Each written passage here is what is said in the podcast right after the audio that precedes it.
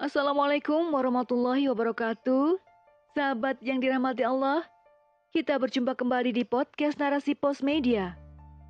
Narasi Pos, cerdas dalam literasi media, bijak menangkap peristiwa kunci. Kali ini, kita berjumpa di rubrik opini dengan judul Kemiskinan Pupus dengan Sistem yang Serius. Oleh Dewi Fitratul Hasanah. Diberitakan Kompas TV bahwasanya pemerintah menargetkan angka kemiskinan ekstrim di Indonesia menjadi 0% pada tahun 2024. Untuk merealisasikan target tersebut, pemerintah telah menunjuk tujuh provinsi yakni Jawa Barat, Jawa Tengah, Jawa Timur, NTT, Maluku, Papua Barat, dan Papua sebagai penerima bantuan anggaran dalam target penanggulangan kemiskinan pada tahap awalnya. Mendapati berita tersebut tentu menghadirkan sukacita karena penanggulangan kemiskinan merupakan perbuatan mulia dan bijaksana. Namun di sisi lain, hadir pula rasa pesimis dan keraguan sekaligus tanda tanya besar. Mungkinkah target 0% angka kemiskinan dapat tercapai pada tahun 2024 mendatang? Pasalnya, sebuah target akbar dalam memberangus kemiskinan ekstrim akan sulit berhasil bila hanya dilakukan dengan menambah bantuan anggaran. Melainkan, perlu adanya mekanisme yang tegas, tersistem, dan tepat sasaran. Berkaca pada yang telah dialami, bantuan-bantuan sosial dengan berbagai istilah selama ini sering tak menyentuh sasaran. Sebab bantuan-bantuan tersebut dalam perjalanannya telah dicomoti oleh para tikus berseragam yang bertampang bijak namun sejatinya sangatlah tamak. Bantuan dengan nominal Rp600.000 per orang dari pusat bisa-bisa hanya Rp60.000 per orang saja yang sampai ke tangan rakyat. Rakyat kerap mendapatkan kabar adanya bantuan tersebut, namun hanya di layar kaca saja, sedangkan di tangan mereka tetap hampa. Kategori kemiskinan dengan standar Bank Dunia adalah kemiskinan yang penduduknya hanya mengantongi pendapatan kurang dari 1,9 US dollar per hari atau sekitar Rp27.075 per hari. Dengan asumsi Rp14.250 per dolar Amerika Serikat.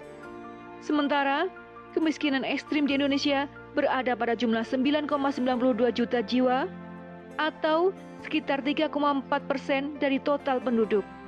Dari sini saja untuk memastikan angka kemiskinan ekstrim berada di titik nol pada 2024, jelaslah bukan hal yang mudah, semudah mendebah. Lihat saja, dengan target seakbar itu, pemerintah hanya mengandalkan program seperti bantuan pangan non-tunai atau kartu sembako dan program Indonesia Pintar, di mana rakyat dikucuri dana dan pelatihan dengan asumsi pemerintah bahwa mereka akan memiliki usaha yang bisa berkembang, sehingga derajat hidup mereka meningkat. Namun yang terjadi justru membuat rakyat semakin jatuh miskin karena kolaps. Sebab yang terjadi di lapangan adalah mereka dipaksa bersaing dengan kompetitor pelaku usaha dari kelas sosial di atasnya pemerintah ingin penduduk miskin naik kelas.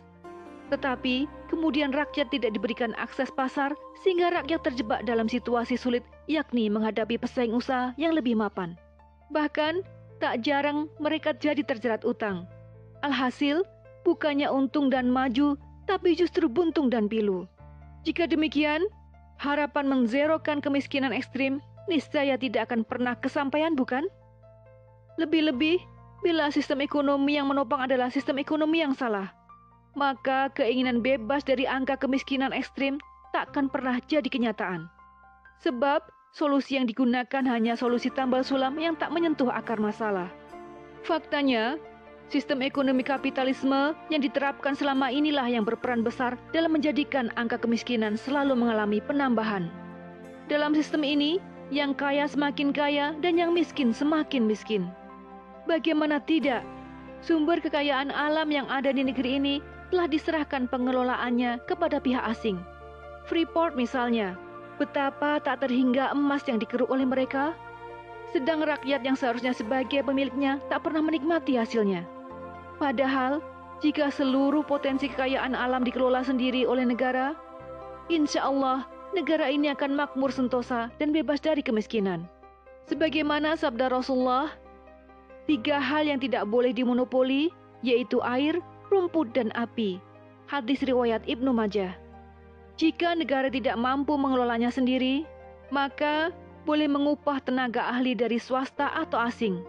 Namun, sebatas akad ijaroh, sewa upah bukan syirkah. Apalagi akad jual beli. Karena akad jual beli harta yang sifatnya umum tersebut akan menjadikan pemindahan kepemilikan dari kepemilikan umum menjadi kepemilikan individu atau golongan. Sehingga yang kaya hanya mereka yang korporat, individu ataupun golongan.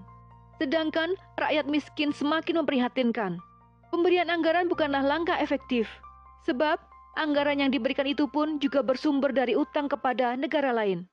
Sedangkan utang ribawi negeri ini saja angkanya telah kian menggila. Ujung-ujungnya bermuara pada rakyat pula yang harus menanggung utangnya.